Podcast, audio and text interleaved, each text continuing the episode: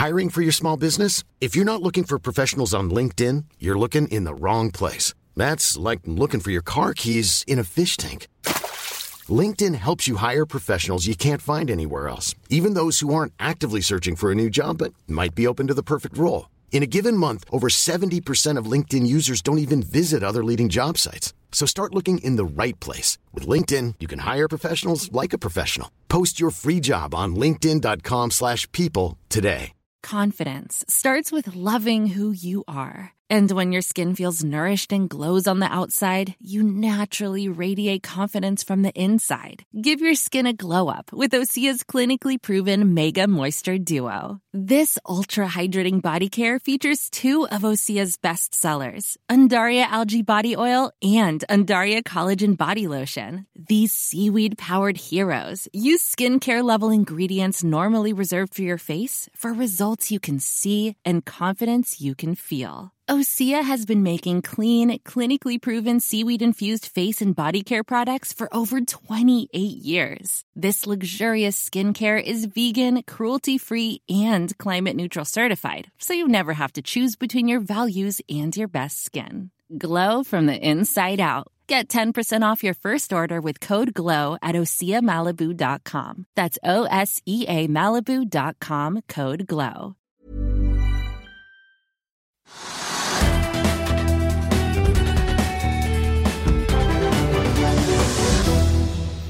Velkommen til Økonominyhetene i dag torsdag. I dag skal vi snakke med Robert Ness eh, fra Nordea, som har investert i flyselskapet Flyr.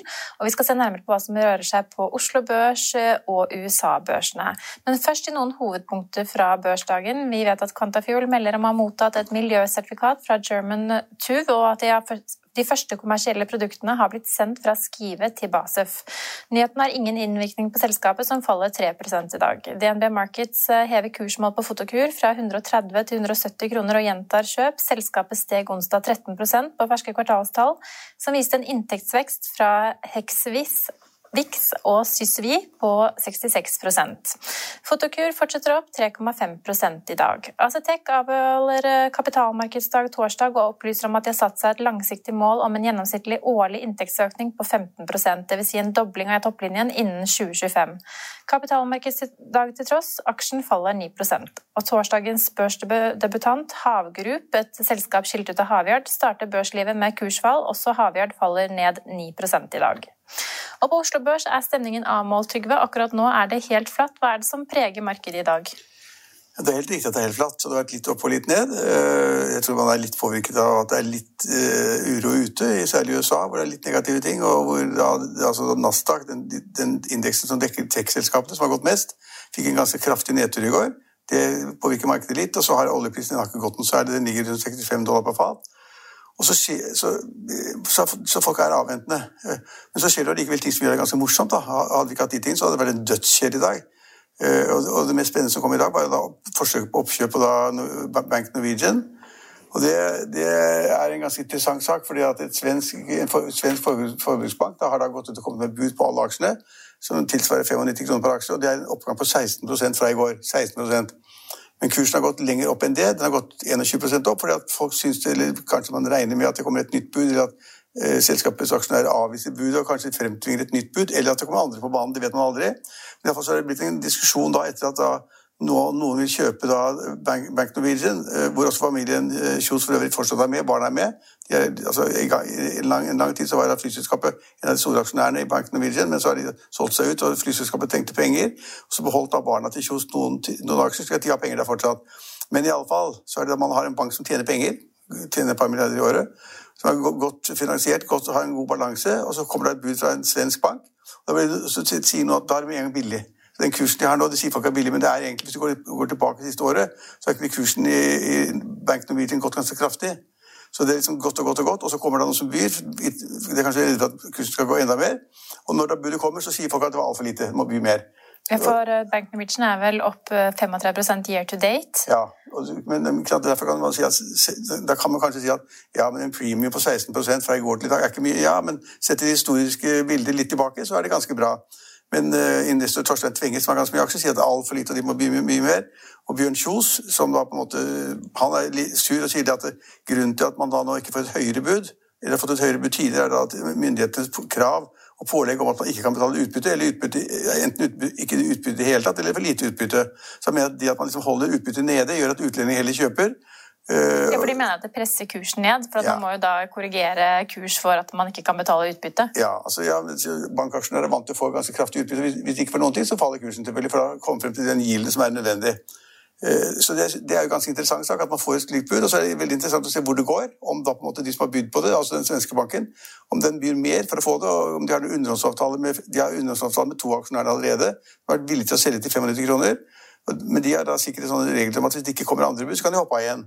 Og hvis det kommer høyere bud enn 95 kroner, så skal det ha mer. Men vi har jo sett at noen mener at budet bør være oppe i 250 kroner per aksje, mens eh, Sparebank1 Market sier at de ser sterk logikk blant budet, men de, men de mener også at Nordax eh, kunne tilbudt et høyere bud. Men alle kan si det. Hvorfor blir det ikke mer? Vi vil ha mer penger. Alle hvis du hadde vært aksjonær i eh, Bank Norwegian, så hadde du selvfølgelig sagt at altfor lite. Jeg skulle ønske at kursen var høyere, og jeg tror den skal høyere. Men å komme opp på banen nå og si det at etter at den kursveksten de har hatt det siste året, og, og den premium som er der fra i går til i dag, og og si at bank, og, kursen, og de har tilbud på 95 kroner, og sier at kursen burde vært over 200, det er bare surreball. Altså, Men vi, vi hørte jo at en annen forvalter, Marius eh, Borten, sa at han vil ikke selge til den 95 kroner per aksjekursen, men han har derimot benyttet anledningen til å kjøpe mer i Bank Norwegian. ja, Så ja, og det, hvis det går fint, så er det kjempefint for han. Det er jo fritt, det er helt frivillig å eie aksjer. Men hva det er frivillig å selge. Hva tror du utfallet blir? Kan vi forvente oss at vi kommer et høyere bud? Det er åpenbart ikke eh, spesielt eh, god stemning for å selge til 95 kroner aksje. Nei, men altså, mer enn 20 av aksjene er allerede solgt. De har vært fornøyd med den kursen som er kommet, på 500 kroner. Og om den da går til eh, 103 eller 105 eller, Det kan tenkes kan tenkes at styret i banken sier at vi syns det er for lite, vi vil ikke anbefale budet, men vi vil kanskje anbefale det, sier de under bordet, hvis da kursen blir satt opp 10% til eller 5 til. Men det er et kjemperøkk. altså eh, sånn at et, røkk, holdt jeg på å si, fra rykk? rykk, fra 500 kroner til 120 30 50, det, tror jeg ikke noe på. Det har ikke greie på. Det er, eh, de som aksjonærer de må avgjøre det selv. Og, etterpå nå begynne å tyte og syte, så mye, det synes jeg er sånn, det gidder jeg ikke høre så veldig mye på. Men det er en morsom sak at vi får et oppbud på et slikt selskap. Og det er også et interessant prinsipielt spørsmål det som Bjørn Kjos tar opp, nemlig det at han mener at myndighetenes politikk må påvirke utbyttene, påvirker også da prisingen av selskapet. Og fordi at prisen er for lav, sier han, angivelig, for prisen er for lav, så blir den solgt til utlandet. Så når vi skaper noe godt og fint som tjener penger, så blir det bra, og så selger vi det til utlandet, for vi har ikke råd til å ha det, for utlendinger betaler mer. Ja, og så ser vi også at det er andre forbruksbanker som beveger seg i dag. Komplettbank opp 4 det samme med Bra Bank. Kan det bety at det går mot flere oppkjøp nå som eh, denne forbruksbanksektoren ligger brakk og ikke kan betale utbytte? Det er et veldig godt spørsmål. Det, jeg tror ikke det, men det er alltid slik at hvis det kommer et oppbud på én bank eller et industriselskap, eller, så- smitter det ofte over på de andre aktørene i samme bransje. og Her ser man da en liten oppgang i to andre banker, det er for at folk tenker at kanskje det kommer noen der også, kanskje. Så faller det tilbake sannsynligvis. Men eh, tidligere har vi også snakket om at det har vært altfor mange forbruksbanker der ute. At det skulle skje en konsolidering nå, hadde kanskje ikke vært helt unaturlig. Nei, jeg, jeg mener at det er veldig mange forbruksbanker. Jeg skjønner ikke at de kan leve alle sammen, og mange av dem har jo tatt mange, mye tap også. Men de har tjent, altså I snitt så har de tjent ganske bra. For den, den marginen de har hatt på rentesiden har vært mye bedre enn det de store bankene har tatt. Så forbruksbankene har spist av liksom de store bankenes områder og, og vært et tilskudd som har vært ganske fornuftig og bra.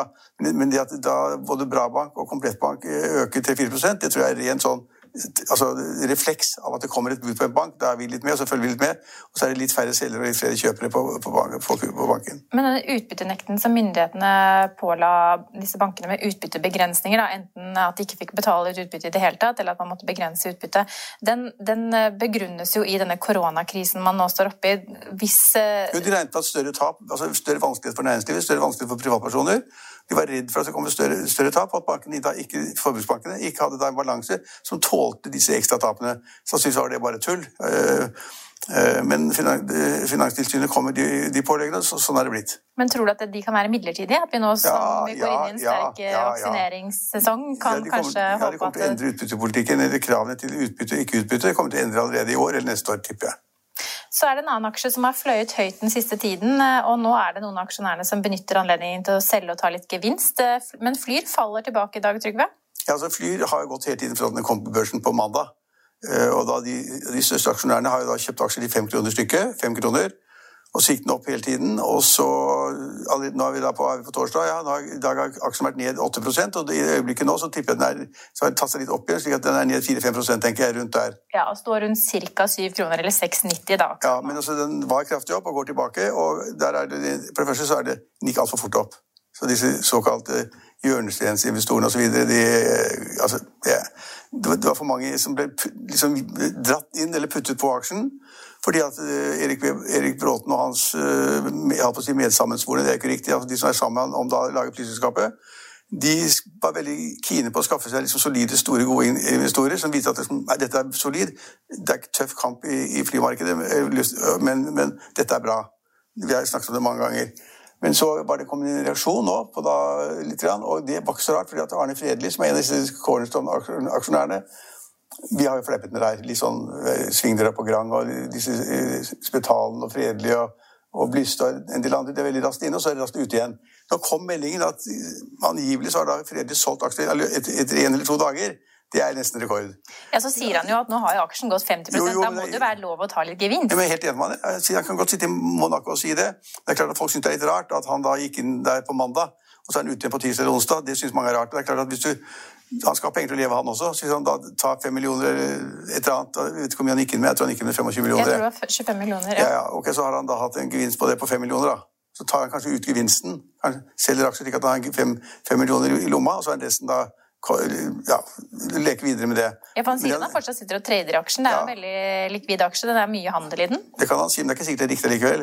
Jeg ville sagt det uansett. Men altså, han har gått inn og har gått ut og tatt en profit allerede. Det er helt proft. Når kursen går så mye på så kort tid, så er det veldig sunt av og til å ta en profit.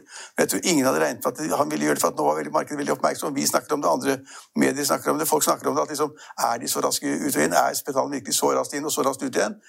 Han er det ofte. Og da kom Fredelig og viste at jo, man er det hvis man ser sjansen, og kursen går ganske mye. slik at det, det var en liten nedtur for flybransjen. Det var det. Ja. Og jeg vil tippe at eh, jeg vil tippe at de, av de andre aksjonærene, som, som Spetalen, også følger veldig godt med nå. Ja, og så vet vi at eh, Robert Ness i Nordea også er med eh, som en av hjørnesteinsinvestorene da i um, Flyr. Og han har vi snakket med senere i sendingen, Trygve. Og da får du høre Du har jo vært overrasket over at han var en av de som gikk inn eh, tidlig i dette flyselskapet. Og så får vi høre hva han tenker om det. Kanskje han skjønner den uh, overraskelsen? Jeg vet ikke, men altså, jeg var veldig overrasket. Altså, han dukket opp. Han er veldig flink, veldig konservativ vil se altså, Luft, han liker ikke luft, så man skal regne på det. Alle skal regnes hjem. Han er fenomenal metall. det var en overraskelse. Men jeg kan også, også tenke meg at han ikke bare det at du kanskje kunne komme til å tjene penger på aksjene i Flyr, men det at han har litt sånn romantisk, at det er bra han bor i Bergen, ikke sant? og liksom Norwegian har vært et stort selskap der, og, og får man et nytt selskap og At han, han syntes det var veldig bra at man fikk enda et norsk selskap i det norske markedet, og større konkurranse. slik at det liksom Litt prinsipielle holdninger bak. Og så er han sikkert blitt ikke truet i det, men han er sikkert blitt bedt og, bedt og bønnfalt om å gå inn i aksjen, for å vise liksom at de store, flinke gutta også er med, at dette flyselskapet er viktig. og Det er viktig for konkurransen i det norske markedet, det er viktig for prisene. Eh, og det er viktig for å konkurrere med SAS, det er viktig for å konkurrere med Norwegian. Og, så han er sikkert en del prinsipielle ting, men at han har gått inn, er jo vanskelig å forklare ut fra hans generelle og vanlige holdning til om man skal regne hjem aksjer. Ja, og det forklarer han da litt senere i sendingen. Men, men Trygve, om du hadde stått foran to aksjer, da. Norwegian eller Flyr. Du hadde kjøpt Flyr du òg, hvis du måtte velge. Ja, for, jeg hadde valgt Flyr, jeg også. Det er helt riktig, for jeg mener at Norwegian er forgjeldet fortsatt. Etter at det ble kvitt masse gjeld, så er det fremdeles uhorvelig mye gjeld der. Eh, og de kommer til å få det tøft. og de der Bråten og folkene da i Flyr kommer til å kjøre det knallhardt. og det, Priskonkurransen blir tøff. SAS må også gjøre noe. og Det kom nye tall der fra Fly, eh, var det Lufthansa som kom da med et tap i fjor på 60-70 milliarder kroner. Og, og, Norwegian, eh, bare for å ta det, det kom jo meldinger også da, en av de børsmeldingene som kom nå, var det trafikken i forhold til i fjor. Hvor mye var den? Ja, det var kraftig ned fra i fjor òg. Kraftig er ordet. 97 ned. Det vil si at det er altså sånne uendelige forskjeller på det som var da før koronakrisen kom, og det som er nå. Så når et selskap da mister 79% 97% av det de hadde i fjor, enten det er varehandel, industri eller flyselskap, så er det helt vanvittig. Ja, for i februar i fjor, da fløy vi som aldri før, ja. vi som kunne fly. Ja, så det er helt vanvittige endringer. Så å komme igjennom den situasjonen er vanskelig. Det skal finansieres, refinansieres. Vi skal fighte i markedet med å få kundene. Så det blir ganske tøft. Men så er det også slik at Norwegian da har drevet såpass lenge, vært en solid, eh, et naturlig og godt valg for veldig mange, med millioner av reisende hvert år. Eh, og mange av de har nok kanskje en, en tendens til å si at vi flyr fortsatt med Norwegian. Ja, og, og, hvis du liksom har da SAS, Norwegian og Flyr stående siden av hverandre, så er da Flyr helt gjeldfrie kontra Ja, det, får, det gjenstår å se, da. Altså, de, de, de, Enn så lenge. De skal leie inn noe fly, og, de skal, ja. og kjøpe fly har de ikke penger til, men de skal leie inn noe fly. Og det er ikke gratis å leie inn heller, det er en forpliktelse du har i balansen hvis du leier inn et fly i tre eller fem år. Og du må, du må, du må avvikle driften etter tre måneder, så har du et problem. Da har du en gjeld du skal gjøre opp. Ja. Og på taperlisten i dag så finner vi en rekke av disse grønne aksjene som har uh, tidvis gått mye på Oslo Børs. Det er En aksje som har gått mye de siste dagene, har vært Horisont Energi. Den faller jo tilbake i dag. Den faller 12% eller sånn nå, og den gikk altfor mye. Det, altså, det at uh, Spetalen skal produsere ammoniakk i Finnmark, uh, sammen med Equinor riktignok, men altså det det er sagt at det er tidsperspektivet. Det er, de skal lage en fabrikk og begynne å tjene penger på sånn. Det er masse år frem i tid. Og før de kommer dit, så skal de investere 5 eller 6 eller 7 eller 10 milliarder kroner, som jeg har sagt. Det er altså en ganske stor prøvelse. slik at den gikk for mye hver dag, fordi det var ammoniakk, det var fornybart, det var karbonfritt. Karbonfri ammoniakk. Uh, og så har man fått en kjempesmell i dag på 12% ned. og det er, det er, ingenting som går i himmelen. Det kommer en korreksjon, og den var helt naturlig. Men det er ganske mye. Vi har også fått et annet selskap som da har vært veldig positivt, som er, som er da Aker Horizon. Eh, som da er det selskapet hvor, paraplyen da, det selskapet hvor mange av disse fornybare selskapene skal inn. da. Særlig de som har med hydrogen å gjøre. Ja, Røkke sine. Ja, Røkke-selskapene. De er altså ned 5-6-7 i dag. Det er en korreksjon. Og også andre, eh, disse Aker Karbonfangst og Aker Havvind har også vært nede i dag. Hele, hele fjøla av rekkeselskaper har fått en smell i dag. Ja, Men det er jo ikke noe fare for Røkke, for han kom jo nå med en ny sånn eh, oljeserviceselskap. Olje så når alt det grønne faller, da kommer han med en, ja. eh, en oljeservicekandidat. Og, og, mens liksom norske analytikere har jo vært litt sånn eh, avmålt til hva de kan forvente seg av dette nye oljeserviceselskapet, som mest sannsynlig skal på børs. Men eh, Barclays mener at dette selskapet kan være verdt mellom 700 millioner dollar og 1, 1045 millioner dollar. Det er en ganske høy pri prising ikke... før det har kommet markedet. da. Ja, Det er ikke peiling på Lin, så det selskapet, hva det blir, vet jeg ikke. Og de skal slå seg sammen og drive sammen osv., det vet jeg ikke. Men det vi ser, så det er, det er noe helt nytt, og det er oljeservice-sektoren. Men det som er det gamle, det er at, at alle disse grønne selskapene, såkalte grønne selskapene med hydrogen og annet, gikk og gikk og gikk på alle fronter. Og så er det en liten korreksjon, og den kommer kanskje av at man da på en måte har sett en liten korreksjon i utlandet også.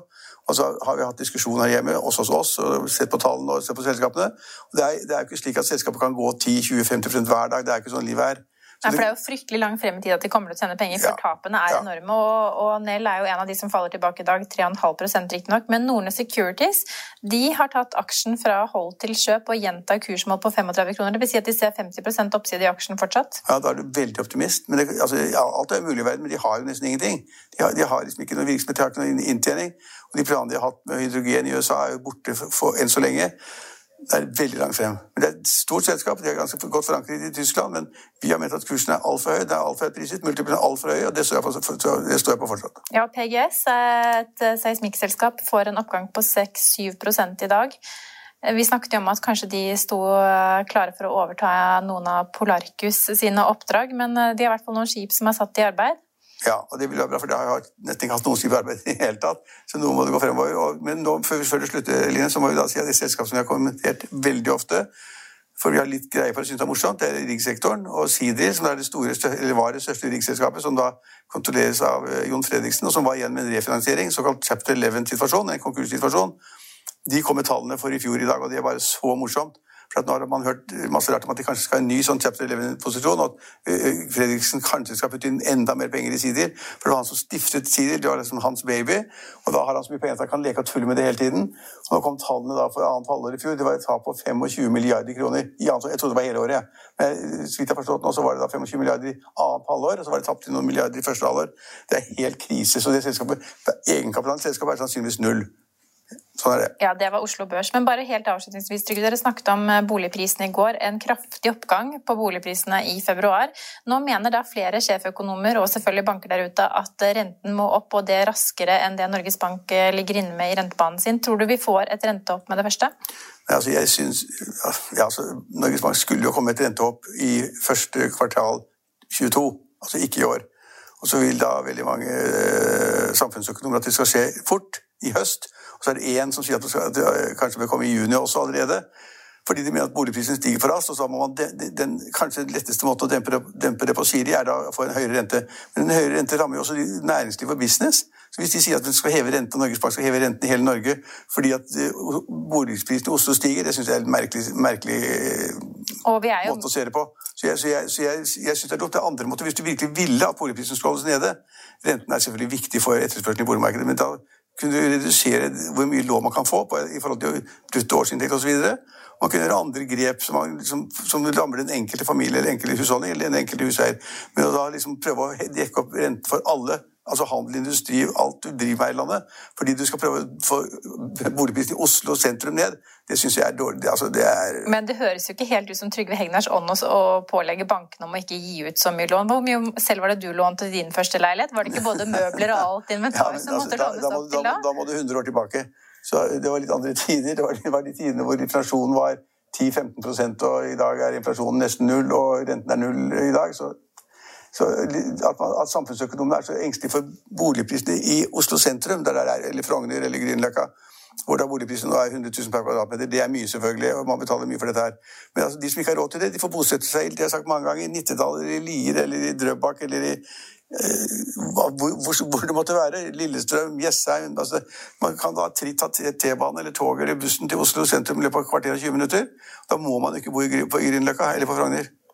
Nei. Så, så, derfor mener jeg at Virkemidler for å få boligprisen ned, hvis man mener det er farlig Jeg mener det ikke er så farlig. Men hvis man mener det, så må man gå mer altså, selektivt til veis der man skal gjøre det, ikke ramme, ikke ramme hele landet og industrien og næringen og i de områdene i Norge som ikke har den høye boligprisveksten. Og så kan man kanskje se an litt hvordan det går med denne koronapandemien, ja, ja, ja, for vi er jo ikke over det verste enda. Nei, men heldigvis, heldigvis er Øystein Olsen, sentralbanksjefen, han en ganske sindig person. Og han har sagt at ja, jeg bryr meg ikke særlig om de der boligprisene, det får vi se på. Jeg skal passe på hele økonomien. Det er veldig bra sagt. Ja. If you thought the only way to get a more defined jawline with natural looking results was through surgery, think again. Juvederm Volux XC is a non surgical injectable gel filler that improves moderate to severe loss of jawline definition and can help you achieve natural looking results with little downtime. Even better, this improved definition lasts up to one year with optimal treatment. No maintenance required. Improve jawline definition for a smooth, sculpted look with Juvederm Volux XC. For important safety information and to find a licensed specialist, visit juvederm.com. That's J U V E D E R M.com. Not for people with severe allergic reactions, allergies to lidocaine, or the proteins used in Juvederm. Common side effects include injection site redness, swelling, pain, tenderness, firmness, lumps, bumps, bruising, discoloration, or itching. There's a risk of unintentional injection into a blood vessel, which can cause vision abnormalities, blindness, stroke, temporary scabs, or scarring. Talk to a licensed specialist specialist to find out if it's right for you. I'll see you in court. Vi sier det ofte litt på spøk, men for deg som driver business, er det aldri moro å innse at du ikke har laget en 100% gyldig kontrakt. Du bør ikke risikere hele firmaet ditt fordi du synes dette med kontrakter er litt stress. En avtale er ikke en avtale. Du kan miste kunder, miste venner, ja, til og med miste inntekter om du ikke lager en skikkelig kontrakt, på alt mulig, egentlig. Men vi vet det er et styr, kopimaskiner, tregprinter og haugevis av papir. Dessuten stoler vi jo på folk her i landet. Det er ofte litt kleint å skulle be om en signatur for alt mulig, ja, for mye av styret handler også om jakten på underskriften. Det finnes en enkel måte å løse dette på, Dukkobit, en trygg, effektiv og get this, gratis måte å sikre seg en god natts søvn pluss en juridisk bindende avtale. Dukkobit-appen har de strengeste sikkerhetskrav i bunn, samt en EU-godkjent og sertifisert teknologi. Framover vil det bli behagelig å spørre du, skal vi skrive under på det, eller? Kom i gang på dukkobit.no. Og Da skal vi over til investeringsdirektør i Nordea, Robert Ness, som mener flyaksjer i all hovedsak er høyrisikable, men det stopper han likevel ikke fra å kjøpe seg opp i Flyr. Robert Ness, investeringsdirektør i Nordea. Mens Norwegian er en hårsbredd fra døden, så har nykommeren eh, Flyr tatt små og store investorer med storm. Og Trygve Hegnar har sagt flere ganger på vår sending at han er svært overrasket over å se Robert Ness og, og ditt fond på listen over storaksjonærer. Så her må du rett og slett hjelpe meg å forklare hvorfor finner vi deg her? Ja, jeg skjønner han er overrasket. Jeg skrev jo bl.a. i Finansavisen i desember at flyinvestering over tid ikke noe god investering. Men så har det vært noen perioder hvor flyinvesteringer har vært bra. Og jeg tror Flyr kanskje kan være en av de. Og Grunnen til det er at for å drive lønnsomt i fly, så må det ha lave kostnader. Det som skjer med flyet nå, er at de får leie inn fly billigere enn de fleste andre. De får kanskje rundt 30 rabatt på flyene de leier ut når de leaser i en periode på en fem til syv år. Og Da har de fortrinn framfor andre. Og så syns jeg det virker også som selskapet har en god strategi på kostnader når det gjelder bemanning. Så når de setter flyrutene, så er de opptatt av å sette flyruter som gjør at de kan få færrest mulig bemanning per fly. Sånn at totalkostnadene blir optimalisert. Så Det har jeg sans for. Og så har jeg også sans for at de starter relativt rolig. De hiver seg ikke inn i det. De starta med åtte fly, ingen gjeld utenom eh, leasingen. Så det føler jeg er godt, eh, godt utgangspunkt. Ja, for at Vanligvis når du um, leter deg frem til selskaper, da, så ser du etter selskaper som kan vise til solid inntjening over tid. Så hvilket liksom, beslutningsgrunnlag har du brukt her for å resonnere deg frem? Er det som du sier at det potensielt kan bli bra på sikt? Ja, jeg tror det kan bli, det er en god sjanse for at det blir bra på sikt, men det er ikke sikkert. Altså Ser du planene nå, så kommer det til å bli knallbra. Men så vet jo alltid at planer er aldri helt som du tror, og så kommer det skuffelser, alle mulige slags skuffelser. Så det kan nok bli litt krevende. Men jeg, har, har, tror, det, jeg tror det er en god sjanse for at de lykkes. Det er langt ifra sikkert. Og så er jeg for så vidt også litt påvirket over den uh, interessen vi har sett generelt for flyaksjer. Sammen med vanvittige prisingen av de gamle Norwegian-aksjene. Men vi ser jo også sånn som Wizz som virkelig tar av. Så det virker som det er interesse i markedet for, for denne type aksjer. Vi hører jo utenlandske analytikere omtale den kommende innenrikskonkurransen eh, på, på, det norske innenriksmarkedet som eh, madness. Er det plass til fire flyselskaper eh, i Norge? Nei, Det høres veldig mye ut. Men klart, ser du på Wizz så er det egentlig ikke noe ordentlig program de har satt opp. Skal du fly fra Bergen til Oslo, så er det én eller to ganger for dagen. Så det de gjør da, er at de de flyr uansett om det er til Polen Ungarn eller andre steder via Norge, og så tar de en ledig periode og flyr litt internt i Norge. Klart skal Wizz satse fullt i Norge, så, så har de ikke den fordelen lenger med billig kabinpersonale. For skal de da bruke utenlandsk kabinpersonale, så må de overnatte på hotell hver natt i Norge. Og det er ikke billig. Dermed mister den kostnadsfordelen. Så jeg ser faktisk ikke Wizz som en god konkurrent der. Jeg tror heller det er Norwegian og SAS som da vil konkurrere flyr. Så det at du nå investerer i Flyr, det er ikke et bet på at Norwegian kommer til å gå over ende eller eventuelt blir kjøpt opp, da? Nei, egentlig ikke så mye det. Så jeg håper for Norwegian sin del at, uh, at, de vil greie seg. og Det tror jeg de vil gjøre òg. Men klart, jeg tror nok Norwegian vil starte i litt mindre skala enn før. Og så se antall fly. Hvis Norwegian starter med litt færre fly enn de hadde før, Flyr begynner med åtte fly, så blir det nødvendigvis ikke så mange mer fly nå fremover enn det vi så i 2019 og tidligere. I fjor våre så solgte da verdens mest kjente investor Warren Buffett seg totalt ut av flyaksjer og sa at eh, han ville ikke satse en krone til på flyaksjer. Mener du timingen er bedre for å gå inn i flyaksjer nå? Altså det som er bra med timingen nå, er at man får leid fly, fly rimelig. Sant? Og så har Flyet Fly kan jo lett finne ansatte der òg, så kan de sette opp et godt utgangspunkt. Så jeg tror, jeg tror timingen kan være bra nå. Men klart en skal ha det i mente at det at fly greier å få til å starte opp nå, det beviser jo det at det er lett å starte fly. Da, da, da, skal ikke du ha god lønnsomhet over tid. Så du skal, det er kanskje ikke den type investering du skal ha i 20 år. Men det kan godt være at i en fase som kan være måneder eller et par år, så kan det være investering. Og generelt i din ånd, da, Robert Ness, er, det, er flyaksjer trygge eller høyrisikable investeringer? Nei, det er høyrisikable.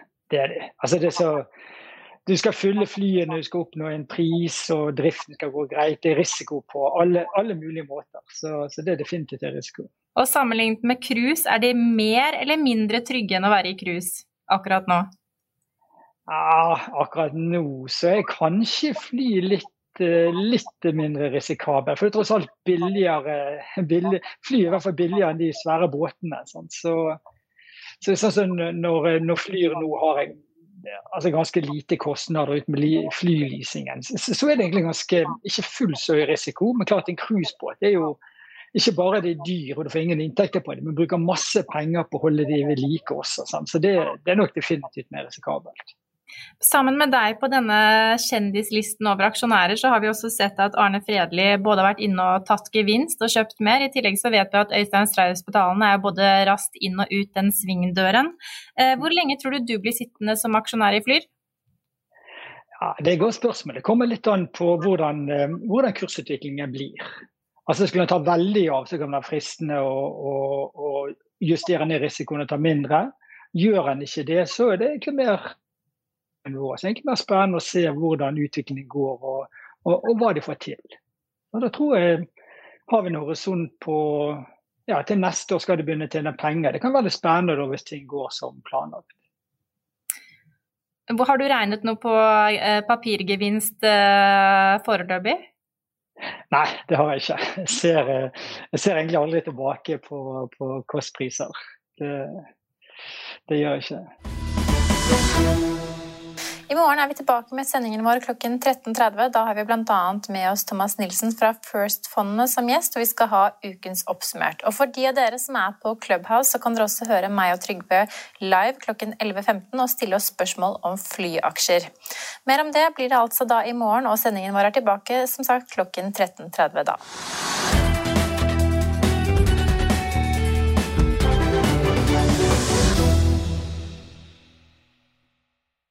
Økonominyhetene er en podkast fra Finansavisen. Programledere er Marius Lorentzen, Stein Ove Haugen og Benedikte Storm Bamvik. Produsenter er Lars Brenden Skram og Bashar Johar. Og ansvarlig redaktør er Trygve Hegnar.